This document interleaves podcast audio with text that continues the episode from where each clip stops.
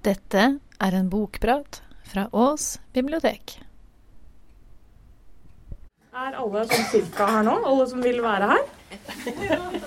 altså, sånn delvis til stede? Ja. Eh, men da tror, jeg, da tror jeg at jeg rett og slett sier velkommen jeg, til ukas bokprat. I dag er det jeg som skal snakke for dere. Som dere sikkert skjønner av mikrofonen og lyden og alt dette her andre styret. Eh, og jeg skal snakke om en bok av en forfatter som heter David John Moore Cornwell. Men de fleste kjenner han nok best under pseudonymet John Le Carré. Og han debuterte som forfatter i 1961. Og han slo igjennom en bok som heter 'Spionen som kom inn fra kulden' i 1963. Og etter at han slo igjennom med den eh, spionen som kom inn fra kulen, så slutta han i Sanab-jobben, og så ble han forfatter på heltid. Den boka jeg skal snakke om i dag, den heter 'Mullevarpen'. Den kom i 1974.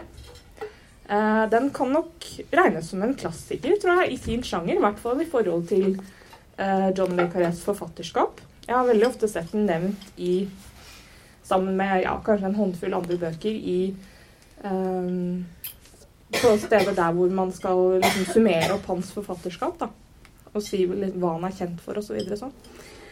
Uh, og det er uh, Plottet i denne boka det er sterkt inspirert av en opprullingen av en spionring på begynnelsen av 60-tallet. Og den spionringen heter Cambridge Five. Dette var altså da spioner, eller dobbeltagenter, rettere, som hadde eh, jobbet i den britiske etterretningstjenesten, men spi, spi, spionert for eh, Russland, eller Sovjetunionen. Eh, og John Le Carré jobba jo faktisk han i, i etterretningstjenesten, den britiske etterretningstjenesten. Både MI5 og MI6, tror jeg faktisk.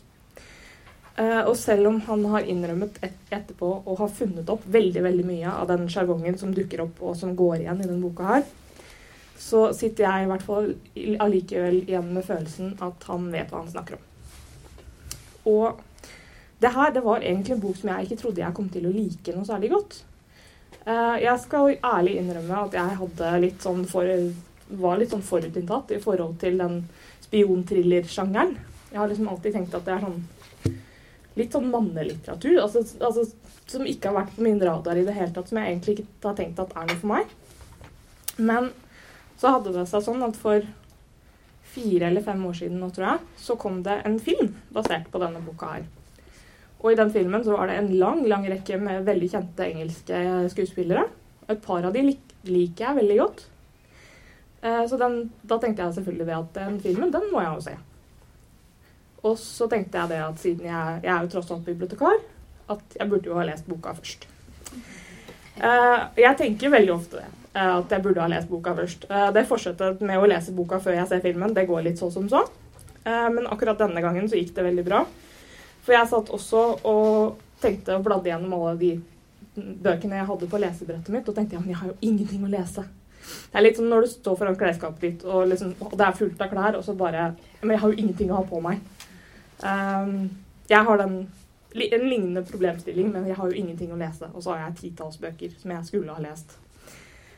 Uh, men i hvert fall så endte det med at jeg uh, impulskjøpte denne her på, på, i e-bokversjon på Amazon og begynte å lese. Og uh, det er liksom ja, det var, ikke, det var, ikke, den type bok som jeg trodde jeg skulle like. Jeg tenker, når jeg tenker spion, så tenker jeg litt mer sånn actionorienterte greier. Sånn type James Bond eller Jason Bourne.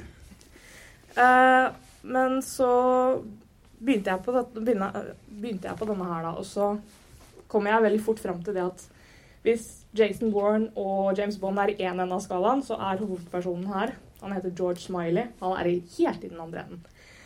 Uh, det er altså absolutt ingenting ekstraordinært ved denne mannen her. Uh, sett utenifra, vil jeg merke. Uh, og han er altså så langt fra den sofistikerte superspionen som det er mulig å komme. Og jeg er helt helt overbevist om at hvis jeg eller noen andre av dere hadde gått truffet ham på gata, så hadde vi ikke tenkt oss om et halvt sekund engang. Um, men det er noe, det er kanskje noe av det som gjør at jeg tror mer på at det fins en ekte, eller kanskje har funnet en ekte George Smiley, enn jeg tror på at det har funnet en ekte James Bond. Uh, og det at Smiley har evnen til å være så ekstremt ordinær eh, og ikke vekke oppsikt, eh, det er det som gjør at han ender opp med å få jobben eh, Den vanskeligste, mest utfordrende jobben av alle innen spionfeltet, kanskje. For hvem er det egentlig som kan spionere på spionene? Trøstet av disse visjonene nådde Smiley Kings Road, hvor han stanset på fortauet som om han aktet å krysse gaten. På begge sider elegante butikker, foran ham hans egen gate, Bywater Street. En blindgate som var nøyaktig 63 skritt lang. 63 smiley-skritt. Da han flyttet inn, hadde disse georgianske husene hatt en brannfri, lett forkommen sjarm. De var bebodd av unge par som holdt det gående på 15 pund i uken, pluss en skattefri hybelboer på baksiden. Nå hadde husene fått jerngitter foran vinduene i første etasje, og foran hver eneste av dem klemte tre biler seg sammen på fortauet. Når Smiley passerte dem, pleide han alltid av gammel vane å merke seg hvilke av bilene som hørte hjemme i gaten, og hvilke som ikke gjorde det. Og hvilke av de fremmede som var forsynt med ekstra speil og mer enn én radioantenne. Eventuelle varebiler uten sidevinduer interesserte ham særlig. Slike kjøretøyer foretrekkes av folk som overvåker noe eller noen. En av grunnene til at han gjorde dette, var ganske enkelt at han ville sette hukommelsen på prøve. Det var et slags privat Kims spill som bidro til å hindre at tankevirksomheten stivnet av arbeidsledighet. Av samme grunn hadde han lært seg navnet på hver eneste butikk langs bussruten til British Museum. Og av samme grunn visste han hvor mange trinn det var mellom hver trappeavsats i hans eget hus, og hvilken vei hver enkelt av de tolv dørene i huset gikk. Men Smiley hadde en annen grunn også. Frykt. Den hemmelige frykten som forfølger hver profesjonist i hans bransje helt til graven. Frykten for at en vakker dag, ut av en fortid så komplisert og begivenhetsrik at han ikke engang selv kunne huske alle de fiender han kunne ha skaffet seg, ville stige frem én som krevde ham til regnskap. Huset hans lå i mørke. Han gikk opp de seks steintrinnene til ytterdøren. Han hadde allerede konstatert at alle gardinene på forsiden hang nøyaktig slik de hadde gjort da han gikk hjemmefra. Etter at Anne reiste Anne er da eh, kona hans, eh, som ikke de, de, bor ikke sammen lenger, for å si det sånn. Hun har eh, eh, stukket av gårde med en elsker. Eh, etter at Anne reiste, reiste, hadde rengjøringshjelpen sagt fra seg jobben. Ingen andre enn Anne hadde nøkkel. Det var to låser på ytterdøren. En Banham Regal-lås og en Chubb pipelås. Pluss to småsaker han hadde laget seg for mange år siden. To tynne eikefliser på størrelse med en fingernegl klemt inn under karmen over og under Banham-låsen. De var et minne fra hans tid i felten. Nylig hadde han begynt å bruke dem igjen, uten riktig å vite hvorfor. Kanskje han ikke ville at hun skulle overraske ham. Han kjente etter med fingertuppene og konstaterte at begge flisene var på plass. Så låste han opp døren, dyttet den opp og hørte raslingen av middagsposten som ble skjøvet over teppet i hallen. Ventet han noe spesielt? Et par tidsskrifter, kanskje? Jo, Philology skulle ha kommet for lengst. Han slo på lyset i hallen, plukket opp posten og kikket raskt gjennom den. En av kontonota fra skredderen hans på en dress han ikke hadde bestilt, og som utvilsomt utgjorde en del av garderoben til Anns elsker. En bensinregning på hennes navn fra en servicestasjon i Henley. Hva i herrens navn hadde de i Henley? Eh, hva hadde de gjort i Henley, blakke som kirkerotter, den 9. oktober? Et brev fra banken, banken, angående et uttak som lady Anne Smiley hadde foretatt i en filial av Midland Bank i Immingham. Immingham? Hva i all fredens bestiller de i Immingham? Hvem har noensinne hatt en elskovshistorie i Immingham? Og for den saks skyld, hvor er Immingham? Han grublet fremdeles på det da blikket hans falt på en fremmed paraply i stativet. En silkeparaply med lærhåndtak i navnering av gull uten noen navn eller forbokstaver. Og med en fart som ikke har noen plass i vanlig tidsregning, konstaterte han at siden paraplyen var tørr, måtte den ha ankommet før klokken 6.15, da det begynte å regne. for det var ingen fuktighet i bunnen av stativet heller. Dessuten at det var en elegant paraply, og at doppskoen nesten ikke var oppskrapt skjønt den ikke var ny. Og at paraplyen derfor tilhørte en ung og sprek mann. Anns siste elsker, f.eks. Men siden eieren hadde visst om eikeflisene og hadde klart å sette dem på plass igjen uten å ha lukket døren fra innsiden Etter å ha lukket døren fra innsiden. Og siden han dessuten hadde hatt vett nok til å skyve posten inn mot døren, og uten tvil etter å ha åpnet og lest den, var det høyst sannsynlig at han kjente Smiley. I så fall var han ingen elsker, men en profesjonist i bransjen. Sannsynligvis en som hadde arbeidet sammen med Smiley. Døren til dagligstuen sto på gløtt. Smiley skjøv den helt opp. Peter, sa han. Lyset fra gaten falt på et par semskede sko som stakk frem fra kortenden av sofaen. Du behøver ikke ta av deg frakken, George, sa en vennlig stemme. Vi skal langt. Fem minutter senere, iført en brun reisekappe som han hadde fått av Anne en gang, satt George Miley på det ubekvemme passasjersetet i Peter Gilliams meget trekkfulle sportsbil, og hadde stått parkert et, som hadde stått parkert et kvartal, kvartal fra Bywater Street. Bestemmelsesstedet deres var Ascot, et sted som er meget berømt for sine hesteveddeløp, og for, formodentlig mindre berømt som hjemstedet til herr Oliver Lacan, kabinettsekretær, rådgiver for diverse komiteer og regjeringens vakthund på etterretningssektoren. Eller sjefsvaktmesteren i Whitehall, som Gilliam mindre ærbødig uttrykte det.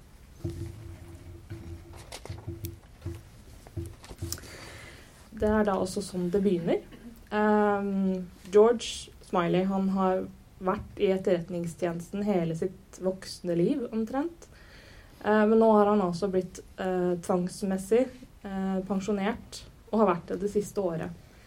Eh, men så når, da når eh, godeste Peter Gilliam dukker opp uanmeldt og inviterer han med på biltur ut til Ascot, så finner de ut Eller grunnen til at de blir At han blir tvunget, nesten tvunget med på denne bilturen, er at de har funnet en etterlyst britisk eh, etterretningsagent, eller funnet ham. Han har, han har, han har kommet, eh, kommet, hjem på eget initiativ, og det er ikke noe han burde ha gjort, for han er ettersøkt for å være en for, altså en avhopper til, eh, til, Russland, men han har kommet hjem fordi han mener at dette har ikke han uh, hatt noe med å gjøre. Dette er ikke han, han er ingen avhopper. Um, og for å bevise sin uh, uskyld, så forteller han da en historie om en dame, han, en russisk dame som han har truffet uh, der han var stasjonert, som har fortalt ham at hun sitter på en kjempestor hemmelighet. Og den hemmeligheten er at det er en muldvarp høyt, høyt på strå i eh, sirkus, som da er kallenavnet på den, den britiske etterretningstjenesten. Og dette må de selvfølgelig holde hemmelig. Fordi eh, er muldvarpen så høyt på strå, så har muldvarpen også adgang til omtrent alt som skal være av papirer. Så dette er helt utenfor noe som helst eh, eh, og dette kan ingen vite, få vite noe særlig om. Derfor så har Peter Gilliam eh, rekruttert Smiley eh, til å finne ut av dette her.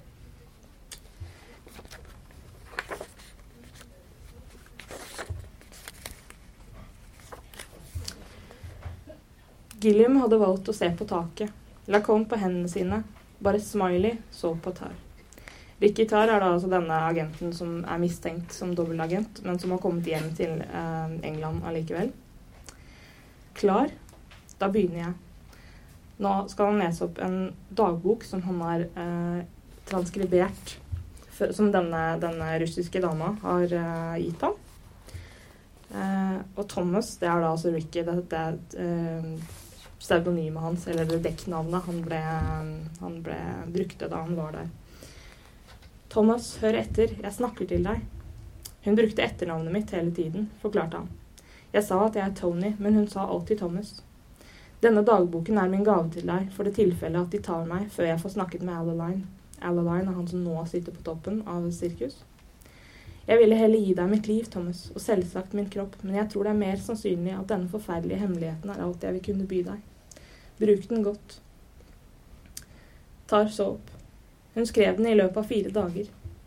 Stemmen hans var blitt tørr og toneløs, nesten som om han kjedet seg. I senteret i Moskva ryktes det mange ting som vår overordnede gjerne ville holde hemmelig for alle. Senteret er da eh, den russiske motparten til sirkus, altså det, den russiske etterretningstjenesten. Eh, særlig fordi det finnes så mange små mennesker som vil gjøre seg store ved å vise hvor godt informert de er. I to år før jeg ble tilknyttet Handelsdepartementet, arbeidet jeg som bestyrer i arkivet i vårt hovedkvarter på Djezirinskij-plassen, tror jeg. Jeg slakta sikkert det navnet noe grusomt, men jeg, ja, jeg beklager. Arbeidet var så kjedelig, Thomas. Atmosfæren var ikke så god, og jeg var ugift. Vi ble oppmuntret til å være mistenksomme overfor hverandre. Det er en forferdelig påkjenning aldri å kunne åpne seg for noen. Ikke en eneste gang. Under meg hadde jeg en kontorist som het Ivlov. Selv om Ivlov ikke var min hjembyrdige rang, førte den trykkende atmosfæren til at vi kom hverandre nærmere. Tilgi meg, iblant er det bare kroppen som kan tale for oss. Du skulle ha kommet før, Thomas. Flere ganger arbeidet Ivlo og jeg natteskift sammen, og til slutt ble vi enige om å trosse reglementet og møtes utenfor bygningen. Han var blond, Thomas, akkurat som deg, og jeg ville ha han. Vi møttes i en kafé i et fattigdistrikt i Moskva. I Sovjetunionen lærer vi at det ikke, fantes, at det ikke finnes fattigstrøk i Moskva, men det er løgn. Ivlov fortalte meg at han egentlig het Brod, men at han, han var ikke jøde, selv om navnet kunne tyde på det. Han var søt, han hadde med seg litt kaffe til meg. Den hadde han fått illegalt fra en venn i Teheran. Og noen strømper. Ivlov fortalte at han beundret meg, og at han en gang hadde arbeidet i en seksjon som kartotekførte detaljerte opplysninger om alle de fremmede agentene som arbeidet for senteret. Jeg lo og sa til ham at noe slikt kartotek ikke fantes. Det var en idé skapt av drømmere å innbille seg at så mange hemmeligheter kunne finnes på ett sted. Men vi var vel drømmere begge to. Det var den dagen, sa Tær. Neste dag begynner hun med en hel del god morgen og kjærlighetsprat til Thomas. En kvinne kan ikke skrive til tomme luften, sier hun, så hun skriver til Thomas. Mannen hennes har gått ut, og hun har en time til rådighet. Skal jeg fortsette? Smiley bare nikket. Neste gang jeg møtte Ivlov utenfor arbeidstiden, skjedde det hjemme hos hans kusine, som var lærer ved Moskva-universitetet. Det var ingen andre der. Møtet fant sted i all hemmelighet, og det var det vi i en rapport ville ha kalt en kompromitterende handling. Jeg skulle tro at du selv har begått en slik handling en gang eller to, Thomas. Ved denne anledningen fortalte Ivelov meg følgende historie for å knytte oss enda, enda nærmere til hverandre. Thomas, du må være forsiktig. Har du hørt om Carla? Han er den gamle rev, den slueste som fins i senteret, og den mest hemmelighetsfulle. Selv navnet hans er ikke et navn som russere forstår. Ivlov var, en, var meget engstelig for å fortelle meg denne historien, som etter hva han sa gjaldt en stor sammensvergelse, den største vi har. Historien følger her. Thomas, du må bare fortelle den til folk hvis pålitelighet er hevet over all tvil, på grunn av dens konspiratoriske karakter. Du må ikke fortelle den til noen i sirkus, for man kan ikke stole på noen der før gåten er løst. Ivlov sa at det ikke var sant at han en gang hadde arbeidet med et agentkartotek. Det var bare noe han hadde diktet opp for å vise hvor godt informert han var, og for at jeg skulle forstå at det ikke var et null jeg var forelsket i. Sannheten var at han hadde arbeidet for Carla som medarbeider i et stort komplott, og at han faktisk hadde vært stasjonert i England, hvor han offisielt var sjåfør og kodeassistent ved vår ambassade. Til denne oppgaven fikk han arbeidsnavnet Labin, slik ble Brod til Ivlov og Ivlov, Ivlov til Lapin. Tenk at en manns betydning skal regnes i antall navn. Ivlovs oppgave var å betjene en muldvarp. Det er betegnelsen på en agent som opererer i dybden, dypt inne i samfunnsmønsteret i de vestlige imperialistiske land, under en omhyggelig kamuflasje, og i dette tilfellet var det en engelskmann. Muldvarpene er dyrebare for senteret, fordi det tar så lang tid å få dem etablert, ofte 15 20 år. Flesteparten av de engelske muldvarpene ble rekruttert av Carla før krigen og kom fra det høyere borgerskap. Ja, endatil aristokrater og adelsmenn som skammet seg over sin bakgrunn og ble fanatikere i hemmelighet. Mye mer fanatiske enn sine landsmenn fra arbeiderklassen, som er temmelig slappe. Flere av dem hadde søkt om medlemskap i partiet da Carla stanset dem i tide og ga dem spesielle oppdrag. Noen kjempet i Spania mot Francos fascisme, og Carlas talentspeidere fant dem der og overlot dem til Carla for rekruttering. Andre ble rekruttert under krigen, da England og Sovjetunionen fant det formålstjenlig å inngå en allianse med hverandre. Andre kom senere. De var skuffet over krig, at krigen ikke hadde brakt sosialismen til Vesten. Her ble hun avbrutt, satt her uten å se opp fra manuskriptet. Blekket i den siste linjen var klint utover. Jeg har notert, notert avbrutt utover klint. Boris må ha kommet tilbake før hun hadde ventet ham. Gud vet hvor hun gjemte det i farten. Under madrassen, kanskje? Hvis det var ment som en spøk, høstet den ingen applaus. Muldvarpen som lapin. Jeg fortalte ikke Ivlov hva lapin betyr på fransk. Jeg hadde ikke hjerte til det. Lapin betyr kanin, forresten. Eh, betjente i London var kjent under kodenavnet Gerald. Han var rekruttert av Carla og var uhyre hemmelig. Betjeningen av muldvarper utføres bare av kamerater med meget høy dyktighetsstandard, sa Ivlov. Så mens Ivlov Lapin i sin angivelige stilling i London-ambassaden bare var et null og måtte finne seg i forskjellige ydmykelser, som f.eks. å stå sammen med damene i bakgrunnen ved offisielle tilstelninger, var han i virkeligheten en meget betydningsfull mann, hemmelig assistent for oberst Gregor Viktorov, hvis arbeidsnavn i ambassaden er Poljakov. Her avbrøt Smiley og spurte etter stavemåten. Som en skuespiller som blir avbrutt midt i en prøve, svarte Tar. P-o-l-i-a-k-o-v. Oppfattet? Mange takk, svarte Smiley med urokkelig høflighet, og i en tone som fortalte at navnet ikke hadde noen spesiell betydning for ham. Tar fortsatte. Viktorov er selv en gammel utspekulert profesjonist, sa Ivlov. Hans dekkjobb er kulturattaché. Det er slik han har kontakt med Karla. Som kulturattaché Poljakov organiserer han foredrag på britiske universiteter og i forskjellige foreninger om kulturelle saker i Sovjetunionen, mens hans nattarbeide som oberst Gregor Viktorov består i å brife og debrife muldvarpen Gerald etter instruks fra Karla i senteret. Til dette formål bruker Viktorov Poljakov budbringere, og stakkars Ivlov gjorde en tid tjeneste som sådan. Men det er Kala i Moskva som har denne tiden den virkelige ledelsen av muldvarpen Gerald. Her forandrer både skriften og tonen seg en god del, sa Tar. Hun skriver om natten, og enten er hun full eller vettskremt, for linjene danser opp og ned, og hun snakker om fottrinn i korridorene og de skumle blikkene gorillaene sender henne. Jeg har ikke skrevet av alt sammen ordrett, herr Smiley. Smiley nikket kort, og Tar fortsatte. Muldvarpens virksomhet var omgitt med meget strenge sikkerhetstiltak. Skriftlige meldinger fra London til Carla i Moskva-senteret ble etter at de var kodet, delt i to og sendt med separate kurerer. Etter at de ble skrevet med hemmelig, ble skrevet med hemmelig blekk på papir som etterpå ble brukt i ambassadens rutinemessige korrespondanse med Moskva. Ivlov fortalte meg at muldvarpen Gerald iblant skaffet til veie så mye etterretningsmateriale at Viktorov Poljakov hadde problemer med å ekspedere det. Mye av det var på ueksponert film, opptil 30 ruller i uken. Hvis noen åpnet filmboksen på feil måte, eller ble filmen øyeblikkelig eksponert.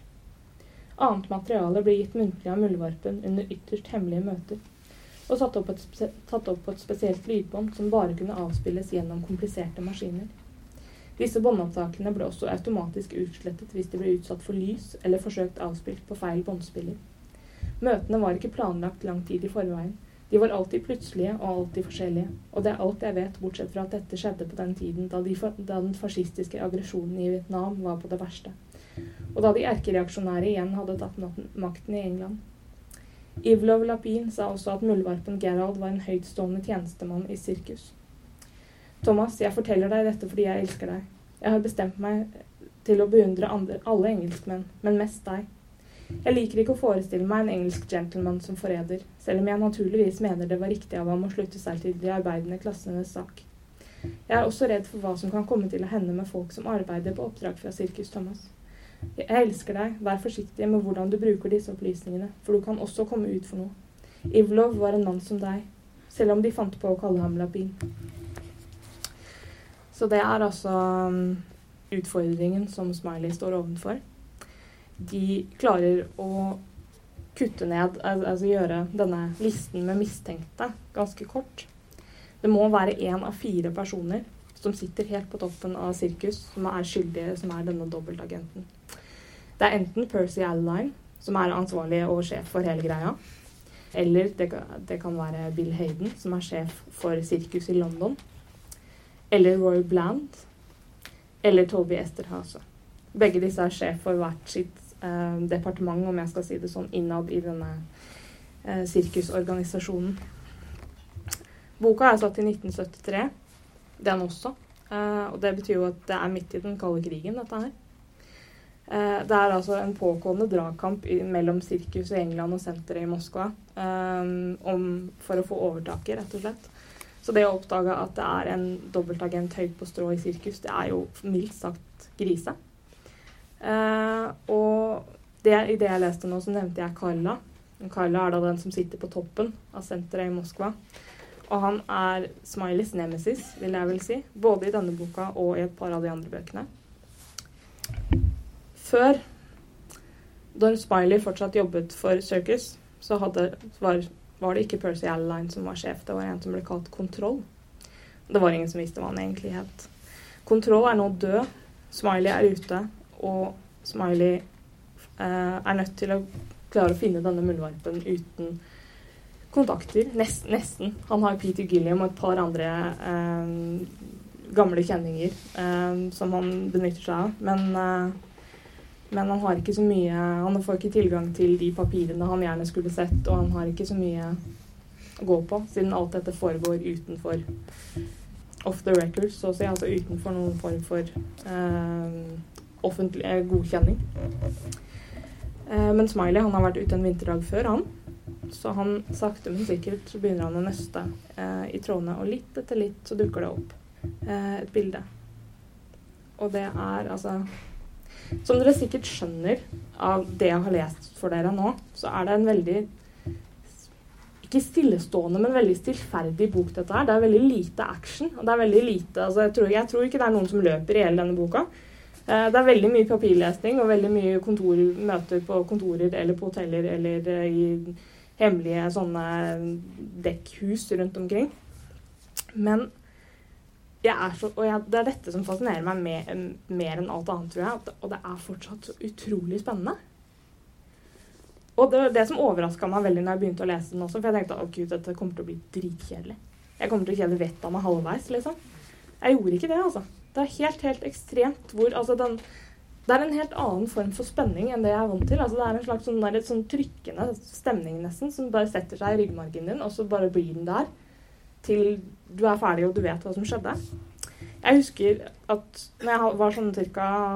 to tredjedeler inn i denne boka her, eh, så begynte jeg liksom å ane mønsteret. Da trodde jeg jeg visste hvem som var um, muldvarpen. Men jeg klarte ikke å legge den fra meg for det. Altså. Jeg måtte lese de siste 100 sidene til jeg visste, for å se om jeg hadde, om jeg hadde rett. Um, så George Miley han er, han er kanskje, kanskje, ikke James Bond, men jeg syns absolutt at han er en karakter som er verdt, verdt å bli kjent med.